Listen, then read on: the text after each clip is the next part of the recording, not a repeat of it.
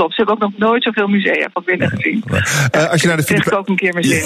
En als je naar de Filipijnen, je bent nu op de Filipijnen. Wat is, wat is jouw, jouw, jouw, jouw speciale tip voor de Filipijnen? Waar moet je heen? Wat moet je doen? Uh, nou, ik heb niet alles op de Filipijnen gezien. Integendeel, uh, de meeste Nederlanders kennen Palawan. Dat kennen ze van uh, de Mol en uh, heet het andere programma ook weer? Ehm, oh, Expeditie Robinson, want dat speelt, daar, dat speelt daar af. En dat zijn allemaal prachtige plaatjes, dat is hartstikke mooi. Um, wat ik zelf een heel mooi eiland vind is Bohol. Dat ligt uh, vlakbij, uh, dat is een eiland dichtbij Cebu, uh, ons eiland hier. En daar heb je de zogenaamde chocoladebergen. Ik kan bijna niet uitleggen hoe, hoe mooi dat is. Daar, daar kan je mooi snorkelen. Ehm, ja, dat, en dat is een, een eiland met een heel bijzonder, een hele bijzondere vibe, zou ik bijna zeggen. Een beetje vervelend woord. Maar dat is wel een. dat, dat is iets wat de meeste Nederlanders niet kennen. Maar dat, zou, dat, zou, dat vind ik zeker een aanrader. Ja. Nou, dankjewel dat we je even konden spreken. Ik wens je nog een mooie avond en een fijn verblijf op de Filipijnen. Marianne Verhoeven, dankjewel. BNR Nieuwsradio. Hemmen. Fijn dat je luistert naar Hemmen, je dagelijkse deep dive in het nieuws. 24 Kitchen slaat vanaf september een nieuwe richting in. Meer buiten de keuken, meer in de wereld. De zender wil in het nieuwe seizoen meer kookcompetitie en meer kookreizen. Bij mij is Alfons Martens, hij is eh, programmadirecteur bij Fox... en onder meer verantwoordelijk voor 24 Kitchen. Welkom, wat je er bent. Dankjewel, leuk te zijn. Uh, eh, 24 Kitchen bestaat nu een jaar of zes. Uh, als ik goed ben geïnformeerd, ongeveer 5 miljoen kijkers per maand. Ja. succesvol daarmee? Ja, Leuk om naar te kijken. Leuke mensen, goede koks die leuke dingen maken. Ik vind het heel rustgevend ook. uh, je zou zeggen, succesvol. Ja, Dus uh, financieel ook. Ja. Uh, dus waarom zou je dat concept, dat het doet, veranderen? Um, omdat het beter kan omdat het nog uh, meer kan. Uh, we hebben een uh, ontzettend mooie niche-positie. En wat je zegt, het is koken, het is, het is leuk om naar te kijken, het is leuk op de achtergrond. Nou, en daar wil ik eigenlijk een beetje vanaf. Ik wil naar de voorgrond. En ik wil dat mensen erop inschakelen omdat ze het willen zien, omdat ze het niet willen missen. En ik denk dat dat steeds belangrijker wordt in een, in een drukke wordende uh, mediawereld. Dat we echt een, uh, een, een, positie voor onszelf veroveren in de, in de, in de hoofden van de consument. Mm. Mensen echt op ons af gaan stemmen omdat ze het uh, leuk vinden om naar te kijken. En um, ik denk dat we wat, we wat we goed gedaan hebben, is uh, aangevoeld uh, bijna zeven jaar geleden, in uh, oktober zeven jaar. Um, dat, dat, dat food en koken en bereiden een belangrijke rol ging spelen. Dat was al altijd al uh, bewust, uh, dus gezond eten. Het was ook altijd al de bedoeling uh, daarmee mensen bij elkaar te brengen en, en mensen te verbinden. Um, maar wat we nu eigenlijk zien is dat food is zo enorm aan het. Uh, de, de, interesse in food is zo aan het toenemen. Dus je ziet het uh, bij de, de, supermarkten, je ziet het op de grote zenders, bij SBS, bij RTL. Uh, allerlei formats. Iedereen, NPO, heel Holland bakt. Weet je, het is echt heel erg groot. En wij zijn um, niche gebleven. Hm. En um, dat vind ik niet goed. Nee, nee want hoewel niche natuurlijk ook wel, ook wel goed is. Ja. Is ook goed. Nee, we zijn ook heel trots. En het is ook, we zijn ook heel blij. Ja, ja, maar um, uh, ik denk dat we uh, nog meer mensen kunnen, kunnen bereiken. En nog meer mensen kunnen uh, inspireren. En kunnen vertellen over wat je nog meer in de keuken kunt doen. Okay. En mensen hebben nog steeds vragen en tips en, en, en informatie nodig. En maar, die kunnen maar, we allemaal bieden. Maar als je niet meer niche wilt zijn, nu 5 miljoen kijkers per maand, hoeveel moeten dat er dan worden? Oeh, ja, dat is altijd een lastige uitspraak. Uh, nou ja, je, je, hebt er ongetwijfeld een idee bij. Als je ja. uit de niche wil, als je 5 miljoen kijkers per maand een niche vindt, uh, wat is dan geen niche? Ja, nou, dat is, dat is uh, richting het dubbele. we moeten, we, wat we nu, kijken naar die 5 miljoen per maand. Uh, mensen moeten uh, vaker op ons afstemmen. Uh, die komen hmm. nu twee, drie keer per maand komen mensen bij ons langs. En dat is te weinig. we hebben heel veel programma's die je eigenlijk wil volgen. Die je moet volgen. Er zitten reality shows in met leuke karakters. Er zitten ehm, competitieformats tussen. Waarbij mensen een plek in een echte professionele keuken. Dus amateurs een professionele carrière ambiëren. Ja. Dan wil je volgen. Volgen. En um, wat we nu zien is dat mensen het uh, te sporadisch langskomen. Mm. om het ook echt uh, op die manier te, te bekijken. Ja, ze zitten dan vooral een beetje te kijken. De, de beleving is eigenlijk: je zit te kijken naar iemand die kookt. Ja. Dat, en dat is, dat is zoals ik, voor mij is dat ook rustgevend. Voor, maar, en daar wil ja. je vanaf. Oké, okay, hoe ga je dat doen? Uh, verandering in, in dus programmering. Uh, Hoe dan? Ander, ander soort formats aankopen. Geef eens een voorbeeld. Uh, we hebben de Chef's Line. Uh, is, is, een, is een format dat in Australië groot is. En dat is een, competitieformat. Waarbij amateurchefs het opnemen tegen een keukenbrigade van een gerenommeerd restaurant. Ze spelen eerst tegen de leerlingkok. De, de dag daarna, wie er overblijft, speelt tegen de souschef. Wie er overblijft, speelt tegen de, de chef. En zo is er echt een competitie. En de jury proeft dat blind. Dus een, een gerenommeerde jury, een aantal topchefs, die uh, proeven zowel dus het eten van de, van de uh, keukenbrigade, van het restaurant, als van de uh, amateurs. En die zegt dus blind, nou, nee, dit, dit, dit, dit gerecht was vele malen beter. Um, dus dat is. En met wie ga je dat doen in Nederland? Uh, dat, met, uh, met wie bedoel Welke je? chefs? Welke? Met uh, chefs. Met. Um, um, dat hebben we gedaan met Margot Jansen. En, um, oh, ik ben altijd zo slecht in namen. Um, met uh, uh, Dennis Huay en uh, met Jacob Jan. En, Boerma. Dus, ja, ja. ja. Dus we hebben daar, uh, nou, die heeft uh, drie sterren. Uh, ja. Margot heeft sterren gehad. Die werkt nu vooral in Zuid-Afrika. En, en Dennis heeft een restaurant hier in Amsterdam. En um, dus een vrij jonge opkomende chef. En die, ja, die, dat, is, dat is super, super interessant om te zien. Maar je moet het wel je volgen, je moet het dus weten. Dat, dat lijkt mij een leuk concept. ik heb, volgens mij heb ik dat ook nog niet zo gezien. Maar wel veel dingen die erop lijken. Eens. Wat wij hebben geprobeerd. Kijk, je hebt, je hebt, je hebt Masterchef, uh, je hebt uh, Topchef, uh, je, hebt, je hebt meer van dat soort competitieformats natuurlijk. Dit is uh, wat het, wat het, wat het, uh, waarom het bij ons paste. Uh, we wilden ook graag een internationaal format. Wat we konden vertalen naar een Nederlands, een lokaal format. En um, dit format was heel sympathiek. De jury springt ook bij. Als ze echt zien dat een oven veel te hoog staat, dan kunnen ze even zeggen: Weet je zeker dat het 180 graden moet zijn? En moet je er niet even naar kijken? Dus het is ook. De, de keukenbrigade is een team. Dat zie je ook. Die nemen dat als team ook echt uh, uh, voor elkaar op. Maar uh, er zijn ook dingen dat er een, amateur echt iets niet lukt. En dan, en dan springen ze even bij. En dan, dus het is, oh het is heel sympathiek. En ze hebben respect voor elkaar. En respect voor elkaars kunnen. En er is ook niet een soort van ellebogen gedoe en zo. En dat is wel denk ik wat het verschil is met, met 24 Kitchen.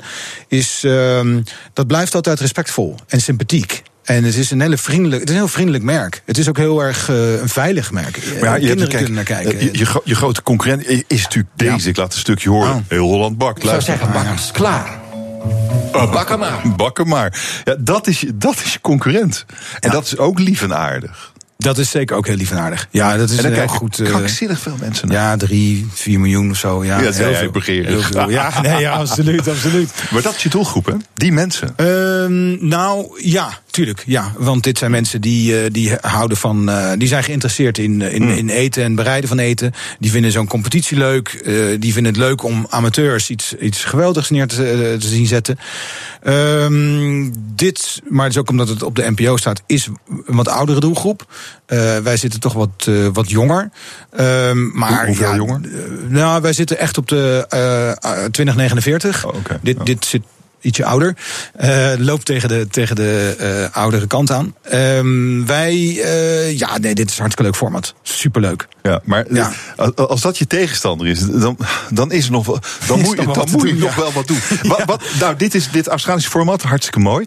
wat, wat zit er nog meer voor vernieuwing aan te komen? Um, we gaan meer uh, reizen. We hebben, we hebben afgelopen jaar al uh, geprobeerd. We, we, hebben natuurlijk uh, Anthony Bourdain. Nou, die is overleden. overleden. Ja. Maar die heeft, dat was voor ons echt een, een chef die de wereld over kon. En het ging over eten, maar het was eigenlijk echt een reisprogramma. Um, die kon je echt meenemen en daar, daar zat je helemaal van te smullen. Um, dat hebben we zelf geprobeerd te maken met, met Miuska. En die is naar Vietnam geweest uh, vorig jaar, uh, afgelopen, afgelopen voorjaar. En um, daarmee gaan we nu uh, naar Japan. En die heeft datzelfde. Die heeft die, die, die, die achtergrond van food. Die heeft het, uh, de passie daarvoor. En uh, die gaat ons meenemen naar alle hele hm. rare plaatsen en gekke gewoontes. En die durft ook van alles. En die is echt wel een beetje een, uh, ja, een chick met ballen. En die gaat dat volgens mij op, dan op, op, onze manier ook heel goed doen. Oké, okay. dat betekent dat dit zijn dure programma's. Daar, je ja. steekt er veel geld in. Mm -hmm. Ja. Ja. Wat, nou ja, ik, ja, ik, steken er veel geld in. Nou, ja, ja, toch? Ja, ja, we steken er veel geld in. Uh, als we, um, ik heb vanmorgen ook weer even zitten kijken. Jullie zijn wel uh, online ook wel druk. Ja. Uh, ik zie ook samenwerking met, met AD online. Ik zag een aangekondigde samenwerking met Plus supermarkten. Ja, nee, die bestaat, die bestaat, al. Ja. het gaat over food trucks en al dat soort dingen. Wat zijn de voordelen van samenwerking met AD, met Plus? Wat, hoe, en hoe kun je dat verder uitbouwen? Ja, nou, het is ehm, zij zorgen veelal voor bereik. En wij zijn eigenlijk de foodspecialisten. Wij uh, hebben de mensen in huis die uh, receptuur kennen, uh, die weten wat er op, op, basis van data en analyses weten wat consumenten waar ze naar op zoek zijn. en daarmee kunnen we de plus helpen in hun samenstelling van, van, van de receptenkaarten die zij hebben. We doen workshops met onze chefs in hun winkels. Ehm, de, met, met AD is het eigenlijk zo dat het AD heeft het AD koken opgezet. En daarmee hebben wij een online uh, samenwerking. Zij hebben bereik, maar zij zijn heel erg uh, snappy, nieuws. Uh, wij zijn de diepte in. Wij, wij, hebben veel meer informatie. Dus wat er gebeurt is dat het is eigenlijk de, de funnelgedachte. Mensen komen van, van AD koken en eten op zoek naar even snel klaar, even snel iets kijken. Leuk, leuk filmpje, een, mm. een, een pakkende kop. En dan vervolgens komen ze voor het hele artikel, de receptenvideo of meer informatie, komen ze op 24 Kitchen. En lukt dat ook? Doen ze dat, dat, dat lukt, ja, dat, dat lukt en dat, en, dat, en dat gaat goed. Um, uh, en dat is een uh, hele fijne, fijne samenwerking. Uh, hmm. En ze zien ons ook echt als de, als de content specialist, wat we ook zijn. Um, en, de, en de food expert. Gaat over, nou, gaat, gaat over eten, gaat altijd over eten. Ja. Jan Dekker, oprichter van 24 Kitchen, was eind vorig jaar bij ons te gast. Ja. toen zei hij dat hij toch niet helemaal tevreden is over hoeveel focus jullie hebben op gezond eten. Luister even naar Jan Ik heb een andere visie. Ik ben redelijk eigenwijs. En ik wilde doorpakken. Doorpakken naar, we moeten naar gezonder. We moeten naar gezonder. Deel, deel jij zijn opvatting? Um, we moeten naar gezonder. Ja hoor, dat deel ik wel.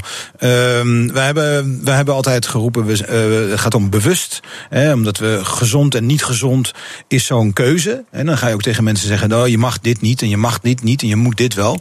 Um, maar, maar een, een, een, een lekker gebakje of uh, iets, iets, uh, iets te zout of iets vettigs of zo. Dat kan. Je moet het alleen niet dagelijks de hele dag door. Dus we willen eigenlijk alles maken. Maar we gaan wel steeds meer mensen uh, daar ook in, in, uh, in informeren. wat wel of niet gezond is. En wat, wat te veel suiker heeft. Of wat, suiker, wat te veel suiker voor je doet. Ehm, we gaan door nu straks naar 2019. Gaan wij food waste centraal stellen. Uh, omdat we ook dat vinden we een probleem uh, wat, wat, wat meer aandacht uh, moet hebben. Dus we gaan, we, we, maken wel die beweging naar het moet gezonder, het moet bewuster. Je moet er meer over nadenken. Je moet weten, we moeten weten wat, wat we eten. dat is toch onze brandstof. Hmm. En dat is je lijf. Dus dat is wel belangrijk. Zometeen praat ik verder met Alfons Martens, die van 24 Kitchen een grotere zender wil maken. En bijvoorbeeld ook het plastic probleem nog verder wil aanpakken. BNR Nieuwsradio. Mijn gast is Alfons Martens. Hij is programmadirecteur bij Fox en in die hoedanigheid verantwoordelijk voor 24 Kitchen. Um, je bent ook verantwoordelijk voor National Geographic. Ik noem net al even de, de aanpak van uh, plastic in het milieu. Uh, jullie hadden een idee en een campagne bij National Geographic. Wat heeft dat opgeleverd? Um, nou, we hebben de hele maand uh, juni uh, aandacht gegeven aan het, uh, aan, het plastic probleem. plastic probleem als in dat we moeten stoppen met wegwerpplastic. we kunnen niet alle plastic. er is heel veel goed plastic. maar wegwerpplastic, het single-use plastic, is natuurlijk zonde. Is echt vreselijk. Dus daar hebben we aandacht aan gegeven. En daar hebben we hele goede reacties op, op gekregen. tot en met het team van Frans Timmermans die uh, ons uh, heeft benaderd, omdat hij dat ook op zijn agenda heeft staan. En om te zien of wij daar samen zouden kunnen werken. Nou, dat is, dat is uh, briljant. Hoe gaat die samenwerking? We hebben geen idee. We werden benaderd. En, uh, en we hebben gezegd dat we dat heel interessant uh, zouden vinden. Uh, wij zouden dan daar een mediapartner in zijn, neem ik aan. wij zijn uiteindelijk een, een mediabedrijf. En wij kunnen alleen maar mensen informeren en activeren. Ehm, en, en ja, als daar grotere draagvlak voor komt door, door, door samenwerking met politiek, ja, graag. Nou ja, hij is eurocommissaris, hij kan wel dingen doen. Hij zit op hele grote zakken geld. Dat is natuurlijk ook leuk voor een eh, mediabedrijf. Ja, daar hebben we. ja hoor, dat mag. Nee, dat, uh, daar, daar zijn we niet op uit. We waren er echt op uit om een, uh, ja, om een uh, bewustwording, om een, uh, om een verandering bij mensen teweeg te brengen in het, in het gebruik van, van plastic. En daar hebben we samenwerking ge gehad met een aantal initiatieven die er al zijn. Bedrijven, start-ups die bezig zijn mm. met het aanpakken van, van het plastic probleem.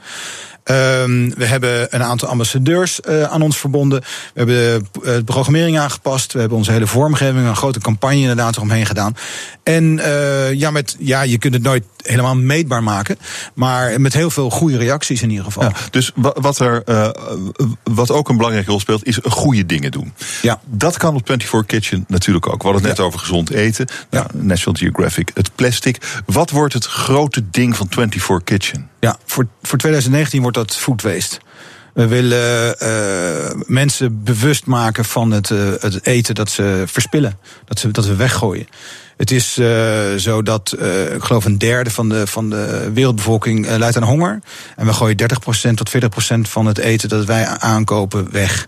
Uh, er gaat natuurlijk al heel veel in de supermarkten uh, mis, of daarvoor. Hè, de kromme komkommers en de, de afgekeurde groenten. Uh, je, zo langzamerhand worden supermarkten daar ook bewust van. Je ziet ook daar dat er een, dat er een momentum aan het ontstaan is. En ik denk dat het voor ons als, als food experts belangrijk is om daar ook aandacht aan te, aan te geven. En hoe ben je van plan dat te gaan doen?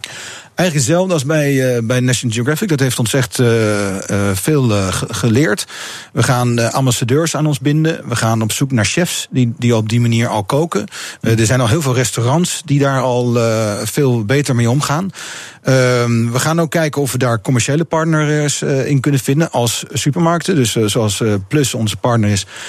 daar zijn we mee aan dat gesprek ook aan het gaan. Wat, wat zij zouden kunnen doen en willen doen om, om food waste tegen te gaan. Ja, daar gooi je denk ik als supermarkt best veel weg. Dat denk ik ook, ja.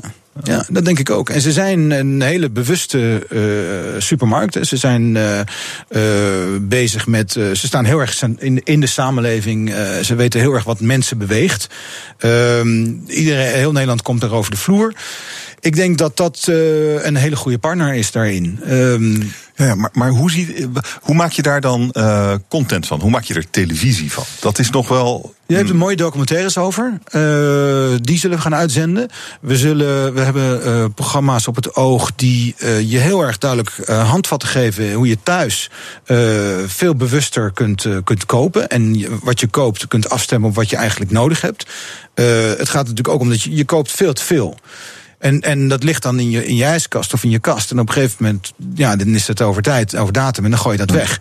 Ja, dat, dat is natuurlijk zonde. Ja. Je, je, je kunt ook uh, dingen voorbereiden en de helft eten en de andere helft invriezen.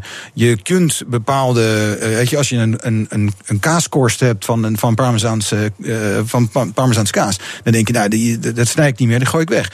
Super lekker voor in een bouillon. Um, dus oh, je dat kunt een goede tip. Ja, je kunt allemaal van dat soort tips en weet je, praktische dingen die, die je niet weet, kun je allemaal uh, kun je hele leuke vorms van maken. Ben je zelf ook een beetje kookgek? Ik ben een uh, redelijke. Ik kan redelijk koken. Ik vind het leuk. Uh, en ik vind het lekker. Ik vind eten vooral leuk. En uh, gezellig. En uh, ik heb altijd de, de, de, filosofie dat ik vind eten staat op nummer één. in een restaurant bijvoorbeeld, hè, eten staat op nummer één. Maar, maar service is net zo uh, belangrijk. En uh, zo zie ik het eigenlijk ook voor, voor 24 Kitchen. Eten staat bij ons op nummer 1.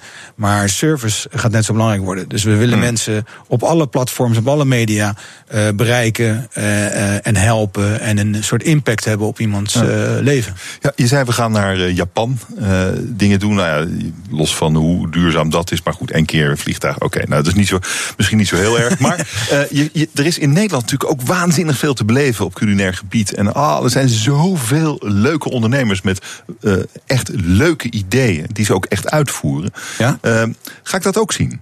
Ja. Nou, we gaan wat we, wat we doen. We hebben uh, de, de, de strategie dat we online uh, in de samenwerking met, met het AD, uh, maar ook zelf online short, for, short, short form content ontwikkelen. En dus daar gaan we. dat zijn echt proefballonnetjes die we gaan oplaten om te kijken of het levensvatbaar is voor tv. Ik blijf nog even hangen aan short form content. Short form. Long form. Televisie denkt altijd in 25 minuten oh, of 45 ja, ja. minuten. short form kan 30 tot 30 seconden Ah, ja, zijn tot, ah, ja, eh, tot een kwartier of korter, korter, uh, uh, kortere programma's. En dan ga je testen of iets aanslaat. Ja, gaan we testen. En dan gaan we, gaan we juist dat soort kleinere, uh, dus de, zeg maar de, de, trends die aan het ontstaan zijn, of, of ondernemers, of speciale restaurants. Of, nou, je hebt nu uh, plasticvrije supermarkten, uh, plasticvrije restaurants, je hebt food waste vrije restaurants. Dus dat gaan we allemaal ook online gaan we dat bouwen. En dan op een gegeven moment hopen we daar parels tegen te komen, om vervolgens in, in een format voor tv. We hebben het nu de hele tijd over, eigenlijk over 24 Kitchen. Maar jij bent uh, verantwoordelijk voor, voor veel meer. Uh, uh, National Geographic, Net Geo Wild en 24 Kitchen. Ja, en, Fox, en Fox natuurlijk. Fox de seriezender, ja. dat is best veel. ja. En, en, en, nogal een ratje toe ook.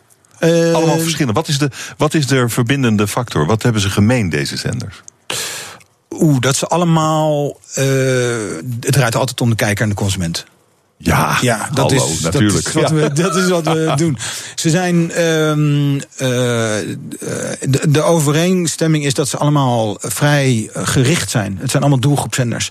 Uh, ze kunnen ook naast elkaar, je kunt ze ook naast elkaar gebruiken. Ze zitten elkaar niet in de weg.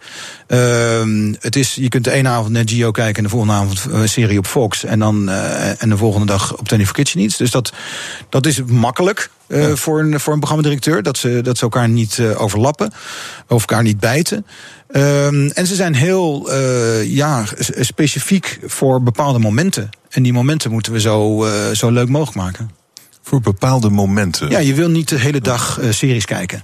Uh, nee. Je wil je favoriete serie uh, op je gemak, een aantal afleveringen achter elkaar het liefst, wil je kijken. Wil je makkelijk vindbaar hebben. wil je zo snel mogelijk nadat die is gelanceerd in Amerika hebben. Ehm, je, wil, je wil dat het, dat het jou verteld wordt door mensen die er verstand van hebben. Je wil er leuke dingen over weten. dat is wat we met Fox doen. Uh, bij NetGeo, um, uh, je hebt niet altijd zin in een documentaire en in het vergaren van kennis, maar dat zit daar wel. Dat, dat is wel wat NetGeo doet. Het is uh, de wereld over, het is onderzoek, het is wetenschap, het is cultuur. Ja. Um, het is ook allemaal ver weg. Uh, ook wel ver weg. Ja, het is ja. een internationaal merk. Ja, ja en het, eens. het is natuurlijk wat je. Nou ja, ik, herinner me die serie over die. Dat is alweer even geleden. Over die, die kreeftenvissers. Fantastisch. Die krabbenvissers was het. Ja, die krabbenvissers. En, maar uh, dat, dat zijn ook wel. Er zijn ook zoveel spannende dingen die je veel dichter bij huis zou kunnen halen. Maar dan moet je wel zelf produceren. Dit is Klopt. natuurlijk al een keer gemaakt in de Verenigde Staten. En dan wordt het hier nog een keer uitgezonden. Heb je niet de ambitie om zelf dingen te maken? Ja. Net zoals je met, met 24 Kitchen van plan bent. Of ja. doet. Ja, ja, met 24 Kitchen doen we dat. Uh, met Fox uh, zie ik dat nog niet helemaal, want dan zouden we echt series moeten gaan maken. Uh, want, mm. want het is echt een, een, mm. seriezender. Uh, we hebben nu twee avonden voetbal geïntroduceerd, of die gaan we introduceren. We zijn begonnen met de Johan Cruijffschaal op Fox. En vanaf uh, 17 augustus gaan we de keukenkampioen-divisie uitzenden. Op maandag en vrijdag. Dat is dus heel erg uh, lokaal, uh, heel erg Nederlands, heel erg dichtbij, uh, live. dus dat is wel, dat, dat is een mooie aanvulling op die, op de programmering.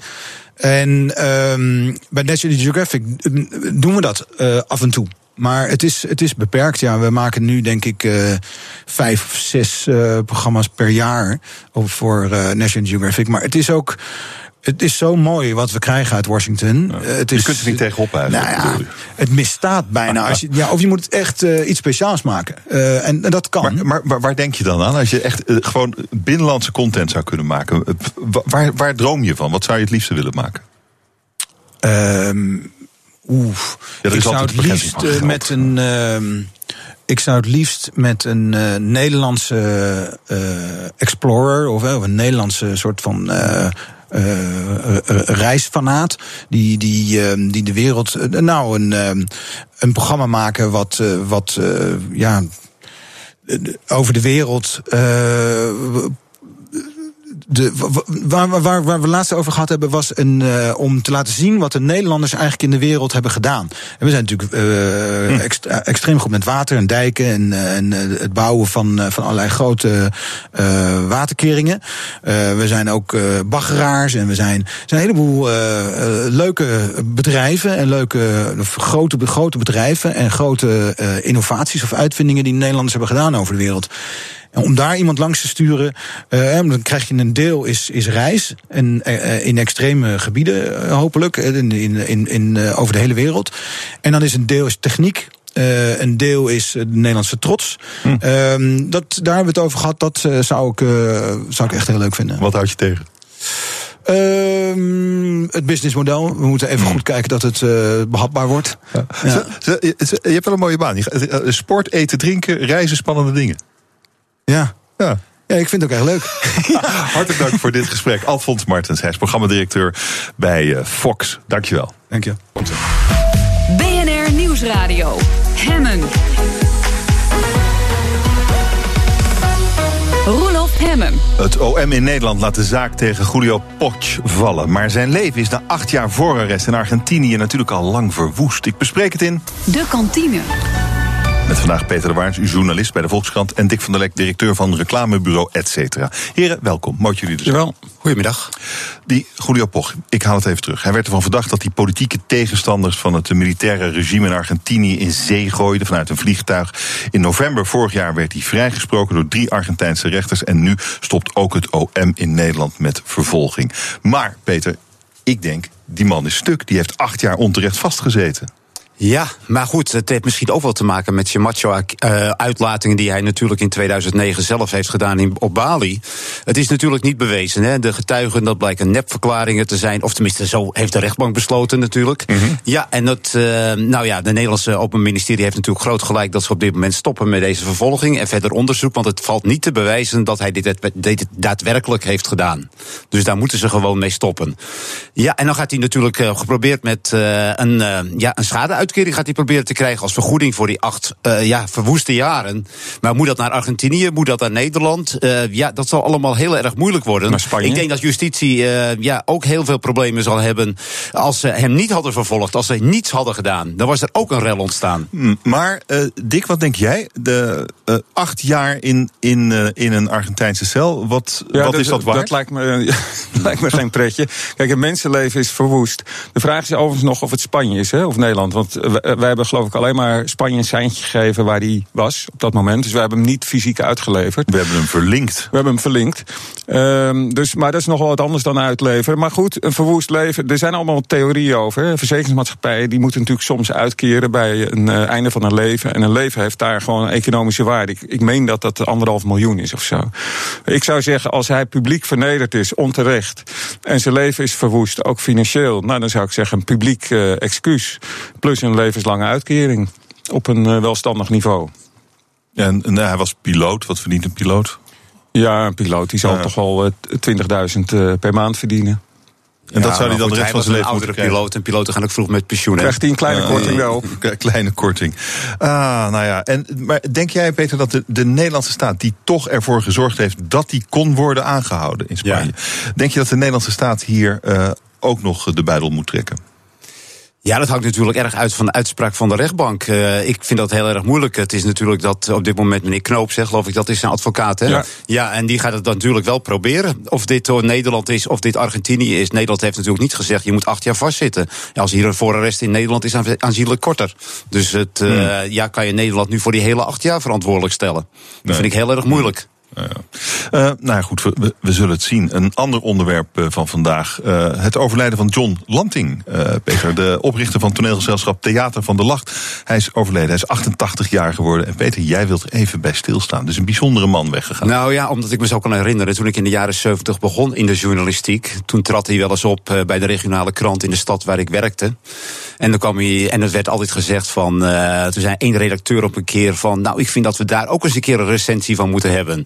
En toen iedereen hoonde hem weg. En dat kon absoluut niet. Want uh, Kluchten en John Lanting, dat was not done. Dat kwam niet in de krant. We hadden natuurlijk alles was, moest geëngageerd zijn. En dat was natuurlijk de tijd van de actie Tomaat.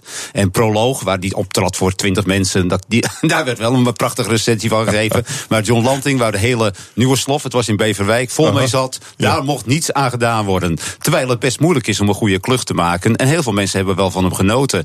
Maar ja, hij heeft natuurlijk niet de tijd gehad zoals André van Duin. Die werd aanvankelijk ook niet echt serieus genomen. Maar die is later ook toch het establishment toch wel in de, hand, hm. in de armen gesloten. Daar heeft John Lanting nooit echt die waardering gekregen. Dat is wel triest voor hem. Ben jij een stiekem liefhebber? Ging je nou, nee, ik was niet oh. echt een geweldige fan. maar ik vond het af en toe wel eens, leuk, ja. Hij was toch de man die al op toneel altijd kwam die uit een andere deur. Ja, precies. Elke vijf minuten. Hij had altijd uh, vier relaties tegelijkertijd. En die zaten in andere, zaten in allemaal kamertjes. Oh, dat klopt. Dat waren zijn kluchten ongeveer. Het was natuurlijk geen hoogstaand toneel. Dat klopt. Dat is ook zo, wat er geschreven werd. Maar ja, hij moest het wel acteren. En hij moest wel de stem ervoor hebben en de mimiek. En dat deed hij volgens mij best goed. En net zei een mm. collega van, uh, van mij: van kluchten maken is veel moeilijker dan uh, drama spelen. Ja, dus uh, in dat opzicht is het best een, een bijzondere prestatie. Ja. Um, heb jij, Dick, de commercial gezien van de, uh, nieuwe, of de nieuwe commercial van de supermarktketen Plus? Ja. Daar zie je een Syrisch en een Nederlands jongetje, een jaar tien schat ik zo, die uh, kennis maken met elkaars cultuur elkaars keuken. Ja. Uh, en ze geven elkaar, je ziet dat Syrisch jongetje, die heel veel kokhalzen bijna als dat andere jongetje met haring aanbiedt bijvoorbeeld. En bitterballen, hartstikke gek. En je ziet ook zo'n blond Nederlands jongetje uh, bij hem binnenkomen waar, waar ze op de grond om een tafel allemaal uh, dingen zitten te eten waar hij niks van kent. Wat vind jij van deze commercial, van deze campagne? Nou, het eerste wat met te binnen schoot is dat niet alleen de pepernoten vroeg in de schappen liggen, maar de ja. kerstreclames ook. Hè? Want het is, het is eigenlijk een vervolg op hun kerstreclame, die ging over een scheiding. Oh ja. Waarbij, meen ik, een meisje uh, uh, haar vader, haar echte vader, je toch weer in contact bracht met, uh, met haar uh, moeder en met haar nieuwe vriend. Ook heel emotioneel rond kerst. Dat is helemaal de trend internationaal. In, in de UK begon, uh, in Duitsland opgepakt, in Nederland hm. ook. Dus ik dacht van, nou, de, de kerstreclame komt vroeg dit jaar. Ehm, ja, ze pakken het thema ma maatschappij. Hè. Het thema van Plus is samen eten. Um, en dan, dan komt het allemaal goed. Dus dat, uh, dat omarmen ze hiermee. Ja, het, was een heel, het was een heel lief filmpje. Ik heb het helemaal uitgekeken en ik dacht, ach, ja. Ja, de vraag het doet wel wat. Ja, het doet zeker iets. Het, uh, het, trekt natuurlijk de emotionele kaart, die het in uh, reclame vandaag de dag heel goed doet. De vraag is natuurlijk wel. Waarom doen ze dit? Ja. Uh, want je kan ook zeggen, koop mij een kalkoen of koop mij een weet ik veel. Uh, maar uh, zij zien natuurlijk ook wel dat kalkoen kalkoen is en, en, en een zak aardappelen is een zak aardappelen. Dus waar maak je het onderscheid mee? En dat kun je doen met de emotie en de maatschappelijke insteek. Het is alleen zo dat heel veel adverteerders die kaart inmiddels trekken. en zeker in de supermarkten rond kersttijd. Hm. En dan kun je weer afvragen, wat is dan nog het onderscheid? Als we allemaal dezelfde kant op gaan. En ik deed dat plus geen liefde liefdadigheidsinstelling is. Dus ze zullen denken dat dit effect heeft hè, op hun verkoper. Dat het een beter effect heeft dan andere reclames. Ze doen het niet omdat ze ja, de maatschappij misschien wel een warm hart toedragen. Maar niet omdat het is niet een eerste maar je zegt het goed. Het is een commerciële keuze natuurlijk. Omdat je denkt dat je daarmee effect sorteert. en, uh, dus dat, dat, dat uh, wordt natuurlijk ook gemeten. Maar nogmaals, als alle supermarkten zich op deze manier profileren. Albert Heijn doet het ook met Sjoerd. Een jongen met het Down-syndroom. Die ze in een, in een campagne consequent uh, laten optreden. Ontzettend le leuk en goed gedaan. Maar het is wel zo, als alle adverteerders zo doen, dan denk ik als reclameman weer van waar is het verschil? Dan ja. moeten we toch weer teruggaan naar CNA, is toch voordeliger? Misschien. Nou ja, je kunt je ook afvragen, zo'n zo bedrijf moet dan eigenlijk ook uh, waarmaken wat ze in zo'n filmpje zeggen. En bijvoorbeeld die Sjoerd Albert Heijn, wat de laatste het nieuws dat uh, het jonge personeel van Albert Heijn steen en been klaagt over de betaling. Dus Sjoerd, voor Sjoerd hartstikke leuk, maar je hebt er nog een paar. Ja. en ook met de Plus, wat doet Plus verder? voor uh, Syriërs in Nederland. Ja, dat is natuurlijk een algemeen probleem. Hè, dat, uh, de, of, je, of je dan ook greenwashing of een andere vorm van washing noemt. Dat het wordt ook wel eens gebruikt te veel alleen aan de buitenkant van het bedrijf om het een mooie glans te geven. Terwijl er aan de binnenkant niet zoveel ge gebeurt. Hè. Je kan ook zeggen, nou wij steunen dat fonds, een integratiefonds. En dat doen we heel chic. Dat uh, hangen we niet aan de grote klok. Maar ja, aan de andere kant dit is gewoon marketing. En ik denk alle uh, goed bedoelde marketing. Hè, en de een is wat oprechter dan de ander. Is toch mooi meegenomen. Het is niet zo dat Plus de vakkenvullers beter betaalt dan Albert Heijn. Nee, dat, eh, dat eh, weet Of- ik bijna of- zeker van niet. Of, jongens, of een punt maakt van het eh, in dienst nemen van Syrische vluchtelingen om nou, Ja. in die winkels te werken. Ze, Ja. ze kunnen natuurlijk, dit is een hartstikke mooi filmpje, hartstikke lief, maar ik zeg walk the talk. Ja, Ja, we weten dus niet of ze dat doen. Nee, ik, ik denk als ze dat hadden gedaan. Er is ook heel veel discussie geweest over de Rabobank-campagne. Growing a Better World Together. Ja. En ik weet dat eh, de board van eh, Rabobank heeft zich werkelijk eh, voor de lange termijn verplicht en verbonden aan bepaalde steun aan voedselprogramma's internationaal. Dat, gek genoeg hebben ze dat niet heel goed uitgevent. En hebben ze een campagne gemaakt waarvan iedereen zich afvroeg: van nou, dat is wel dat is een beetje handig gedaan, maar wat, wat, wat doe je nou eigenlijk? Ehm, maar eh, ik denk dat je gelijk hebt. Het eh, wordt echt sterk op het moment dat je niet alleen eh, aan de buitenkant mooie dingen doet en je daarmee profileert, maar dat je ook aan de binnenkant gewoon wezenlijk steun geeft aan het onderwerp. Peter, vandaag een stuk of 300 Amerikaanse kranten en tijdschriften die een soortgelijk hoofdredactioneel commentaar plaatsen. Het is een protest tegen de manier waarop eh, Trump de media eh, omschrijft, namelijk als vijanden van het volk. Ze leggen daarin uit dat, dat de media dat niet zijn, de taak van de media, bla bla bla. Allemaal, eh, wij snappen dat helemaal. Er zat ook een, eh, er waren een paar hele opvallende polls die kwamen, die, die kwamen daarin aan de orde. Eh, wat blijkt nou bijvoorbeeld dat bijna de helft van de Republikeinen in Amerika, 48% het eens is met Trump dat de nieuwsmedia de vijand van het volk zijn. En nog een opmerkelijke: eh, de New York Times wordt door 68% van de Republikeinen gezien als onbetrouwbaar. Van alle Amerikanen denkt 37% dat de krant onbetrouwbaar is. En we hebben het hier over de New York Times, een van de allerbeste kranten ter wereld. Ja, dat is eh, de consequentie van de nieuwe dit. maatschappij van sociale media. Het is natuurlijk heel schokkend wat er nu gebeurd is. We zien het nu natuurlijk op dit moment met die handelsoorlogen eh, die Trump voert. Iedereen weet natuurlijk dat je moet samenwerken in de wereld. En hij zit op dit moment eh, in 2008 onder Obama.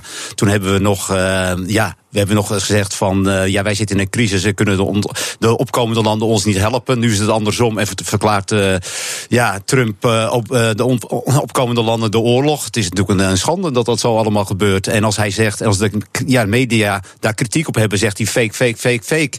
Ja, dat is natuurlijk, maar ja, het werkt. Mensen lezen geen kranten meer. En mensen, al die mensen die bijvoorbeeld ja, zeggen dat zij de New York Times niet vertrouwen, die zullen die krant ook niet lezen. En dat is natuurlijk wel heel verontrustend dat mensen alleen maar die, die tweets van Trump lezen. Dat is natuurlijk toch, ja, maar het gebeurt. We kunnen er niet omheen. De Nederlandse economie blijft groeien, maar wel ietsje minder hard. Bespreken we zo in de kantine. BNR Nieuwsradio. Je luistert naar de kantine. Wij hebben het over het nieuws van de dag. Gaat Jurgen Ruijman straks ook doen. Wat is het onderwerp vandaag? Vandaag is het onderwerp de houdbaarheid van artiesten. Eh, Madonna is vanaf 60 geworden. Ah. En de vraag is, ja, hoe lang kan je eigenlijk doorgaan als artiest? En hoe komt het dat sommige artiesten, kijk naar een Paul McCartney, een Charles Aznavour, eh nou, noem maar op, die doen Elton John is nog aan het toeren, tegenwoordig de Rolling Stones. Eh, dat sommigen zo lang kunnen doorgaan en de anderen eigenlijk al ja, na hun 35ste gewoon afzwaaien, dat je nooit meer iets van ze hoort. Interessante vraag. Waar zit dat in, denk jij? Ik heb geen idee. Ik denk het heeft te Wat maken met... eh, Nou, het, heeft in ieder geval te maken met, eh, met eh, drugsgebruik en dat soort eh, zaken. ook, ja, dat je sowieso lichamelijk. Ga je dan langer mee? Oh nee, korter. Ik denk dat het vooral ik- te ik- maken heeft met jeugdsentiment. Ik denk Ja. dat heel veel mensen op een gegeven moment toch weer terugkomen. Want heel veel van die groepen, die een tijdje waar je 40 jaar niks van hoort, komen dan op een 65ste, 70ste, komen ze ineens weer bij elkaar. En Fleetwood komt bijvoorbeeld binnenkort weer, Ja, ik, Ja, ja, Procol ja. Harum komt bij ons in, in Alkmaar. Ja, dus ook een band waarvan we sinds de jaren 60 nooit meer iets gehoord hebben. En die zijn nu weer bij elkaar. En Ja, maar, maar dat zijn ook bands voor onze generatie. Dat vinden wij leuk. En wij zijn Ja. nu de mensen met het geld, dus die kunnen nu toeren en we op. geld verdienen. ja, Dat het is meteen, eh, meteen uitverkocht met allemaal Ja. eh, gepensioneerden. Je ziet Nou, het ook met al die, je ziet het tegenwoordig ook al die, je hebt Wat heel leuk. veel van die, van die eh, coverbandjes, of van Ja. die coverbandjes Ja. die dan, Crosby, van die grote, ja, die jongen die en, zijn overal uitverkocht. Dus het is een soort nostalgie. Maar, ja, kijk naar de Rolling Stones. Die guys hoeven echt niet meer op te treden voor het geld. Ik bedoel, want die zitten echt, nou, tot hun zes generaties na hun zitten ze gewoon goed in de slappe was. Maar ja, die kunnen ook niets anders, dus die toeren gewoon, die hebben daar plezier aan. Ik ga altijd naar Bob Dylan. Elke twee jaar komt hij in Nederland. Hij is onverstaanbaar, hij kan niet meer zingen, hij, de, de muziek is waardeloos. Maar je gaat naar de agenda kijken. Maar dat was eh, eigenlijk al 50 jaar zo. Bob Dylan heb je nooit kunnen verstaan. Nee, maar ik was laatst bij Chaka Khan in- tijdens het Dorothy Jazz Festival. Nou, ik ben grote Chaka Khan fan en ik, ik zag het eindelijk live. En ja, die, ja weet je, ze- ze- de helft van de teksten kent ze zelf niet meer. Weet je, ene boy dat is eh, is alone, freedom. Dat kwam er eigenlijk uit. Weet je, maar het was wel heel cool, want je zag wel Chaka Khan daar staan. En de heeft rest 20 die door Grammy de Awards gewonnen in het Ja, leven. ja. Daar staat greatness gewoon. Dus Je het gaat is- naar een legende. Je gaat naar een legende. Dus de vraag is van, hoe doen ze dat, weet je? Kijk, wij weten bij de radio hebben we sowieso een langere houdbaarheid dan bij de televisie tegenwoordig. Maar eh, hoe, zit het, met- hoe gaat het met al die disciplines? Waar gaat het goed? Cabaretiers gaan die langer mee naar operazangers? We gaan het erover hebben vandaag. En eh, als jij vragen hebt erover, of als jij iemand hebt, nou die zijn jullie vergeten, Rob de Nijs bijvoorbeeld, eh, laat het ons even weten. Want we krijgen George Baker in de uitzending. Die, gaat, die hebben het laatste kwartier uitzending. Onsterfelijk. Om te praten over onsterfelijke hits. Ja, dat is dus, eh, die komt er ook nog even bij. En je kan je vragen stellen via Twitter, het BNR, via Facebook. Je kan me even WhatsAppen, het nummer staat op bnr.nl. Of je mag mailen naar askme.bnr.nl. Maar Roelof, je weet het. De beller is sneller. 020 468 4x0 en stel je vraag live in de uitzending. Jurgen, dankjewel. Veel plezier zo Het meteen. wordt een feestje. Vanaf twee uur. We praten verder in de kantine. Dick van der Lek is hier, directeur van reclamebureau, et cetera. En Peter de Waard, journalist bij de Volkskrant. Gisteren kregen we hartstikke goede economische cijfers eh, van het CBS. Vandaag de prognoses van het Centraal Planbureau. Dat zijn ook mooie cijfers, maar de groei gaat wel iets afvlakken. Er zijn bedreigingen. Brexit, eh, handelsoorlog, Trump, eh, Italië, Turkije. Ehm, vergeet ik nog een paar bedreigingen, Dick? Nou, ik vind het er genoeg voor eh, voorlopig. Ja. Ehm, maar goed, toch ziet het er nog redelijk rooskleurig Het ziet er uit. goed uit. Het is ook weer een heel Nederlands, als het een, een, een eh, tiende procent eh, wat, wat lager is, dat we dan met z'n allen gaan zitten somberen. Volgens mij is het, is het geweldig. Ik begrijp overigens wel, want ik heb begrepen dat die. die, die lagere inschatting, dat die te maken heeft met een inflatie. die is anders ingeschat. En de loonstijging. Men had verwacht dat de lonen sneller zouden stijgen. En dat snap ik eerlijk gezegd wel. Want eh, iedereen denkt maar eh, dat de wereld altijd cyclisch is. Dus wat geweest is in hoogtijdagen, dat komt vanzelf weer een keer terug. Dat hoeft natuurlijk niet. Maar Iedereen is er volgens mij nu wel over eens, ondernemers, dat we in een soort nieuwe wereld zitten. De, de, de new normal noemen ze dat. En daar, daar, is- daar, dat is een nieuwe wereld die ook zo blijft. En het is niet gezegd dat de welvaart die we ooit hadden, dat die automatisch en vanzelfsprekend terugkomt. Dus jij denkt niet dat, dat eh, lonen verder omhoog zullen? Nou, ik, ik ben daar zelf eh, eh, eerlijk gezegd ook eh, heel voorzichtig mee. Kijk, we zijn Maar allemaal ook een klein beetje. Ja, maar er er is structurele natuurlijk. veranderingen. Hè, Maar we zijn, we zijn ook een beetje angstig geworden als, als ondernemer, voorzichtig. En eh, ik denk dat, dat heel veel ondernemers denken van nou eerst maar even zien en, eh, en dan eh, gaan we wat verhogen. Maar liever hou ik wat marge. Ja, door outsourcing, door in- Ja. immigratie en dat soort dingen kunnen we natuurlijk die lonen laag houden. Flexibilisering is daar een gevolg van. Dat houdt ook natuurlijk die lonen laag. Dat is wel op dit moment het geval. Aan de andere kant, je ziet, we zitten op de hoogconjunctuur. Hè. Eigenlijk is het pas het herstel pas in 2014 begonnen. Dus we zijn nu eh, vier jaar verder. Nou, we hebben zeven vette jaren, zeven magere jaren. Dus we kunnen nog drie jaar echt met eh, de vette jaren samen. En dan in 2021 zou het moeten gaan afvlakken. Ja. Ja, en misschien in andere landen, bijvoorbeeld Amerika, die is ook eerder is die hersteld. Dus daar zou dat, die recessie eerder ook weer kunnen komen. Ja, Nederland loopt altijd een beetje op achter. Maar denk je dat die zeven jaren, dat, dat, dat die wet eh, nog steeds eh, van kracht is? Hè? Nou Of ja, is het net maken als bij het altijd klimaat? natuurlijk, er zijn allemaal cycli en conjunctuurcycli. Je moet er ook een beetje geloven. Maar over het algemeen klopt het wel een beetje natuurlijk dat deze grote lange golven en korte golven die er allemaal zijn, als er natuurlijk grafieken van worden gemaakt. Ja. Ja, dus het blijkt wel zo in de praktijk te zijn. Ja, en mensen worden altijd overoptimistisch in goede tijden. Dat leidt tot een crisis. En in slechte tijden worden mensen versomberen ze. En dan komt dat weer het herstel. Dus het is wel wat vaak het geval natuurlijk. Het is ook een psychologie. Eh, Peter, ik zag krankzinnig nieuws op eh, de site van eh, RTL Nieuws vandaag. Er zijn tientallen criminelen in ons land met een openstaande celstraf. Die horen dus eigenlijk in de baaiers. En die krijgen een uitkering. Ik, ik weet niet, wat is hier aan de hand? Ja, nou, dat zou misschien heel schandalig zijn. Aan de andere kant moet je die mensen dan geen uitkering eh, geven. Dan Tuurlijk gaan niet, ze- je moet ze opsluiten. Ja, maar er moet ook ruimte zijn. Ze- Maar wat is de reden dat ze niet Nou, in de cel zitten? gooien. Ja, is, eh, er zijn allemaal eh, redenen misschien voor. Maar je kan ze wel buiten laten staan en geen uitkering geven. Ja, dan moeten ze stelen om een brood, eh, te, de brood te kunnen eten. Nee, werken. Ja, ja, dan moet je een baan voor krijgen. Het is van criminelen vaak natuurlijk niet zo makkelijk om op de arbeidsmarkt terecht te komen. Dus ja, daar moeten ze ook een Ja, ja. beetje de tijd voor krijgen. Ze moeten soms herschoold worden of geschoold. Dus eh, ja, volgens mij moeten was het issue net iets anders. Toch? Het waren toch eh voortvluchtige criminelen. Ja, ze moeten de- Eh, ze moeten de en baaiers ju- in. Justitie die kan ze dus niet te pakken krijgen. Eh, maar het UWV die weet ze wel te vinden. Want ergens moet, moet die uitkering op gestort worden. Ja, ik heb dat stukje gelezen, maar dat was een beetje heel makkelijk om net door één bocht te gaan. Omdat de justitie kan ze niet krijgen. Justitie dan ook waarschijnlijk niet zijn best. En het, de, de, de sociale dienst doet wel beter zijn best. Of ze hebben gewoon een bankrekening en dan komt het op terecht. Ja, en het- misschien is een ja, verblijfplaats is wat moeilijker te vinden. Dus Maar zou je eh, niet, eh, ik dacht van, waarom draai je het niet om? Het wordt nu gebracht, de uitkering. Maar je kan ook zeggen, eh, laat ze het maar ophalen. En dan kunnen we daar meteen bepaalde afspraken En maken. dan weer cash uitbetalen. Ja. En dan kunnen ze meteen weer naar de drankwinkel om er dan boost voor te kopen. Oh, nou ja, ik weet niet of dat een oplossing is. Nou ja. Maar ja, ik vind niet uit dat je mensen die natuurlijk in Nederland rondlopen, hoe dan ook, dat je moet, je moet er iets, ja, moet er toch wat geld krijgen om natuurlijk in hun eerste primaire leesbehoeften te kunnen Ja. voorzien. En moeten niet creperen op een bankje in het Vondelpark. Ik, ik dacht dat het toch een beetje, een beetje wrong eh, vanmorgen. Nou, oké. Eh, Dick, jij zat op de camping in eh, Bakkum. En je zat je te vervelen. vervelen. En vervolgens ging je een column schrijven. Een hele leuke column, die verscheen in Adformatie. En de conclusie van die column is... zonder verveling is er geen vooruitgang. Wil je uitleggen hoe je tot die conclusie komt? Nou ja, daar had ik natuurlijk voldoende tijd voor. Nee, die, eh, er wordt in, in, in de komkommertijd, vakantietijd, wordt heel veel geschreven over eh, verveling. En eh, de ene, het ene cliché na het andere vlieg je om de oren. En dat is met name van, ja, dan komt je geest tot rust. En dan kan het allemaal weer op zijn plek vallen. En dan word je weer creatief en dat soort dingen. Maar dat kennen we allemaal wel. Dus ik dacht, laat ik eens wat verder kijken. En ik kwam bij de naam John Eastwood aan de Universiteit van Toronto. En die heeft een boredom lab, een vervelingslaboratorium, heeft hij daar eh, onder zijn leiding. Interessant. En die heeft dus en die heeft het fenomeen verveling wetenschappelijk eh, onderzocht. En eh, eh, die heeft dus ontdekt, eigenlijk kunnen wij niet vervelen. Dat is evolutionair is dat al zo bepaald. Als we vroeger in een berenveld eh, niks te doen hadden, er was geen gevaar, dan gingen we voedsel halen. Maar er was nooit een moment dat je niets deed. Eh, dat, eigenlijk is dat nog steeds. Hè. We hebben heel veel moeite met vervelen. Want eh, vervelen, heeft hij in zijn lab ontdekt, leidt tot introspectie. Even naar jezelf kijken. En dat is helemaal niet zo fijn. In de meeste gevallen heel- zeker niet. heel Jij confronterend. schrijven op de camping. En dan ga je nadenken over je relatie, over je baan, over je bedrijf, over je merk, weet ik veel. Maar je gaat eigenlijk jezelf tegen het licht houden. En daar hebben mensen een hekel aan. Dus die gaan liever vluchten die even in een Candy Crush spelletje.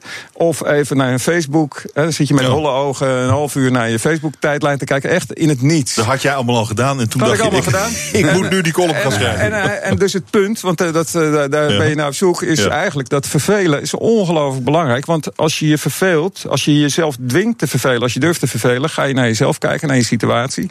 Ga je bepaalde ter discussies eh, eh, stellen. En dan ga je dus vooruit. En dan Hè? beland je in een diepe depressie. Dus, dus mijn slotregel Ben je was daar bang ook. voor, Peter? Mijn, mijn Ja, dan ga je de zin slotregel- van het leven ga je dan beschouwen en dat ja, soort maar het dingen. leidt wel tot verandering. En niet tot je verstoppen. Hè, want het is ook een beetje vluchtgedrag. Dus mijn slotregel was ook... eh, verveling of le- ledigheid is niet des duivels oorkussen... maar is de motor van vooruitgang. En wat heeft het jou gebracht, behalve de mooie column? Ik eh, was al bang dat je ging vragen. Dus, maar ik, ik, eh, ik heb weinig veranderd, eh, moet ik zeggen. Dus, maar het is wel zo dat je, je... Ik heb wel toch ook bedrijfsmatig wel bepaalde dingen overdacht. En daar komt wel een verandering uit voort. Ja, namelijk? Ja, ja daar komen we nog een keer over te spreken hier. Oh.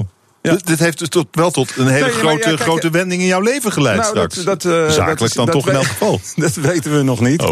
Maar het, het, het, je, je kan gewoon helder denken. Het, je- het leven wordt op vakantie of in vervelingstijd eigenlijk een soort eh Madu- Madurodam. Heel klein en overzichtelijk. Je kan gewoon beter nadenken. Maar is verveling ook niet een beetje een luxe? Mensen in natuurlijk, die moeten dus echt eh, voor hun voortbestaan moeten vechten. Die hebben natuurlijk geen tijd voor verveling. Nee. In, eh, ja, in, het woorden zeggen, in de Scandinavische landen, als het hele winter donker is, dan hebben ze heel veel tijd voor verveling. Ja. En dan wordt iedereen ook eh, eh, depressief. Maar dat zeg je goed, dus verveling. Hè, dus als, je, als het een eh, luxe is, dus je moet eigenlijk voor je directe eh, leesbehoeften van vandaag, moet je dingen ophalen, moet je een, een, een baantje hebben of een krantenwijk lopen of wat ik, dan kom je nooit verder. Hè, dus, maar op het moment dat je, dat je jezelf echt confronteert, hè, je, je de tijd neemt om te confronteren met je situatie, ja, dan leidt dat tot verandering. Ja, dat is toch nog iets anders dan gewoon in je hangmat eh, naar de blaadjes aan de boom eh, liggen kijken. Dit is toch wel, je moet gaan nadenken, je moet dingen gaan. Ja, ik vind het. Dus, maar ik snap wel ongeveer wat je zegt. Ik ga het eens proberen. Moet je proberen. Ik weet waar het toe Het is leidt. gratis. Er is nog een eh, interessant ding. Ik las het vanmorgen op de, de Bikker, site van eh, Michiel Bikker Kaarten. Ehm, en dat ging, ging over nudgen. Er is een eh, wetenschappelijk onderzoek gedaan. Als je mensen er op st- steeds opnieuw aan herinnert dat ze kunnen bezuinigen op hun energieverbruik. Dus gewoon, hé hey, hey Peter, je kan bezuinigen, jongen, weet je wel. Dan gaan ze dat doen. Ze gaan, hoeft alleen maar te zeggen, het kan, en dan gaan mensen dat doen. En het opmerkelijkste aan dat onderzoek vond ik eigenlijk... je kunt het tot in het oneindige blijven doen... zonder dat mensen daar immuun voor worden. Wat is dit, wat is dit voor, voor, voor mechanisme? Ja, ik vind dat eigenlijk wel een heel goed uh, artikel. Want uh, ja, je ziet het nu op dit moment met het waterverbruik in Nederland. Hè. Een paar weken geleden werd er allemaal gewaarschuwd van... we moeten niet al te veel water uh, gebruiken... want ja, door de droogte is er tekort aan. Dus nu, en nu hoor je het bijna niet meer... terwijl er nog steeds die tekorten aan zijn. Eigenlijk moet het iedere dag nog weer herhaald worden dat wij uh, zuinig moeten zijn met water. En dat we minder moeten douchen en dat we minder uh, ja, andere dingen en minder de tuin moeten sproeien. Want ik zie nu overal weer de sproeiers aangaan. Hmm. Het, is, is wel opmerkelijk, toch? Dat ja. iedereen. Uh, dat, want uh, vanuit marketingperspectief uh, vond ik het een heel interessant artikel. Ja. Omdat het lijkt ook een beetje op spam. Hè? En ja. het lijkt ook een beetje op mensen gewoon lastigvallen. En, en op het irritante af. Uh, volgens mij heeft New York Times hier een uh, onderzoek naar gedaan. En die zeiden van ja, het kan toch. Hè, als je maar transparant bent. Als je maar zorgt uh, dat mensen een opt-out hebben. Dat als mensen het vervelend vinden, dat ze er zo weer, weer vanaf kunnen. En het aller, aller, allerbelangrijkste, en dat is ook niet onlogisch, is dat het een, een, een financieel voordeel levert voor mensen. Maar ja, dat New York dus Times, dat is weer fake, fake, fake. Hè? Dat is natuurlijk. Fake, ja, en dat is probleem. Dat, dat, je dat en Trump herhaalt dat natuurlijk ook al twee jaar. En dat blijkt ook te werken. Dat ja. zien we aan dat onderzoek wat we eerder over hadden. Nee, maar het, wat het wel aangeeft, kijk, mensen zijn gewoon niet slecht, maar ze zijn wel lui. Hè? Dus als je ze elke keer eventjes een reminder stuurt, dan zijn ze echt wel bereid om dingen te doen. Overigens, in Amerika is het energieverbruik schandalig. Hè? Dat is ongeveer het dubbele van wat wij hier verbruiken. Mm. En als zij, ik, het formaat koelkast en de vriescombinaties die in de supermarkten staan, als, je, als je daar een klein beetje van afhaalt, dan heb je al een heleboel gewonnen. Dus het is een hele goede zaak.